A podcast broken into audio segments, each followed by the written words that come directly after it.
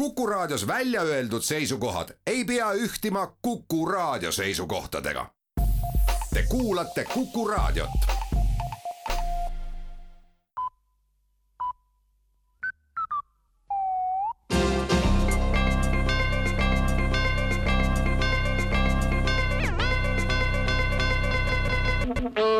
tere kuulama uudiseid stuudios Rohke Debelak riiklik valimiskomisjon annab teada, et järgmistel valimistel kevadel ei saa hääletada kõik valimisealised ja valimisõiguslikud kodanikud, kuna rakendub valija eksami kord valija eksami käigus veendub nimelt valimiskomisjon, et valija on vastutustundlik valija, et on oma valimiseelistused kujundanud ilma poliitreklaami abita ning et valija on aru saanud elementaarsetest põhitõdedest selle kohta, kuidas riik töötab ja kuidas seda juhitakse. Kui valijaeksam on tehtud, siis antakse kodanikule valijaload ehk valijakaart. kui valijaeksamisüsteem käivitub efektiivselt, siis väheneb populismi kandepind ning vastutustundetu valijapoolne käitumine. seni on riigi või linna või valla halvas käekäigus käigus alati süüdi olnud poliitikud mitte kunagi, aga neid ise valinud valijad, märgib valimiskomisjon. Ja riigi rahandusest. rahandusministeeriumi ettepaneku kohaselt vajab Eesti lähiajal uut ministeeriumi.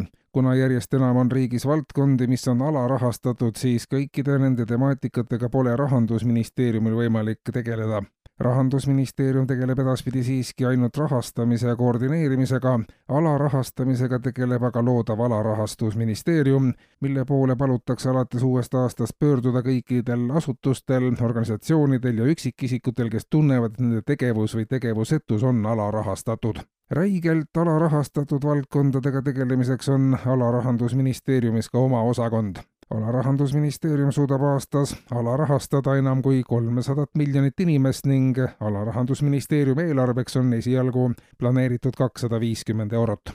kes aga arvavad, et nende tegevus on piisavalt rahastatud, võivad edaspidi ka pöörduda Rahandusministeeriumi poole Tallinna linnavalitsusega annab teada, et täna varahommikusel töönõupidamisel, kus vaadati veel kord üle lumekoristustööde hetkeseis ja viimase kolme ööpäeva jooksul tehtu, otsustas linnavalitsus endale trahvi teha mitmed linnaosavalitsused on trahvinud ettevõtteid, kellega on koristustöödeks sõlmitud lepingud ning linnavalitsus leidis, et ebakompetentselt valitud koostööpartnerid on enese trahvimiseks piisav põhjus. kui lumekoristusfirmad on saanud trahvi, siis peab vastutust kandma ka linnavalitsus. trahvisumma, millega linnavalitsus iseennast trahvib, on veel läbirääkimiste küsimus ja tuleb linnavalitsuses selgeks vaielda.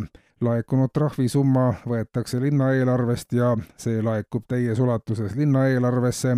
Osa summast kasutatakse ära linnavalitsuse liikmete täiendavaks rahaliseks motiveerimiseks, sest selgelt on näha, et just motiveerituse vähesusest tingitud ebakompetentsus annab tooni, teatab linnavalitsus. Ja operatiivteateid. eile kutsuti liikluspolitsei Tallinnasse Kaera tänavale, kus oli ajale jalgu jäänud neljakümne viie aastane meeskodanik vahejuhtumis meesterahvas kannatada oluliselt ei saanud, kahju oli peamiselt moraalne. aeg aga liikus kiiresti edasi ja lahkus sündmuskohalt. veerand tundi hiljem jäi ajale jalgu neljakümne kuue aastane naisterahvas, kes samuti lasti peale läbivaatust kodusele ravile. aeg aga tõttas edasi ja poole tunni pärast jäi talle jalgu juba kehras kaks keskealist ja kümme minutit hiljem Viljandis enam kui kolmkümmend neljakümne kuue aastast inimest.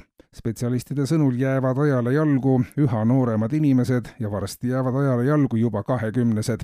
seetõttu on soovitus, kui ajaga kaasa ei jõua joosta, peaksid inimesed kodus olema ja oma aega ootama. Kuulsite uudiseid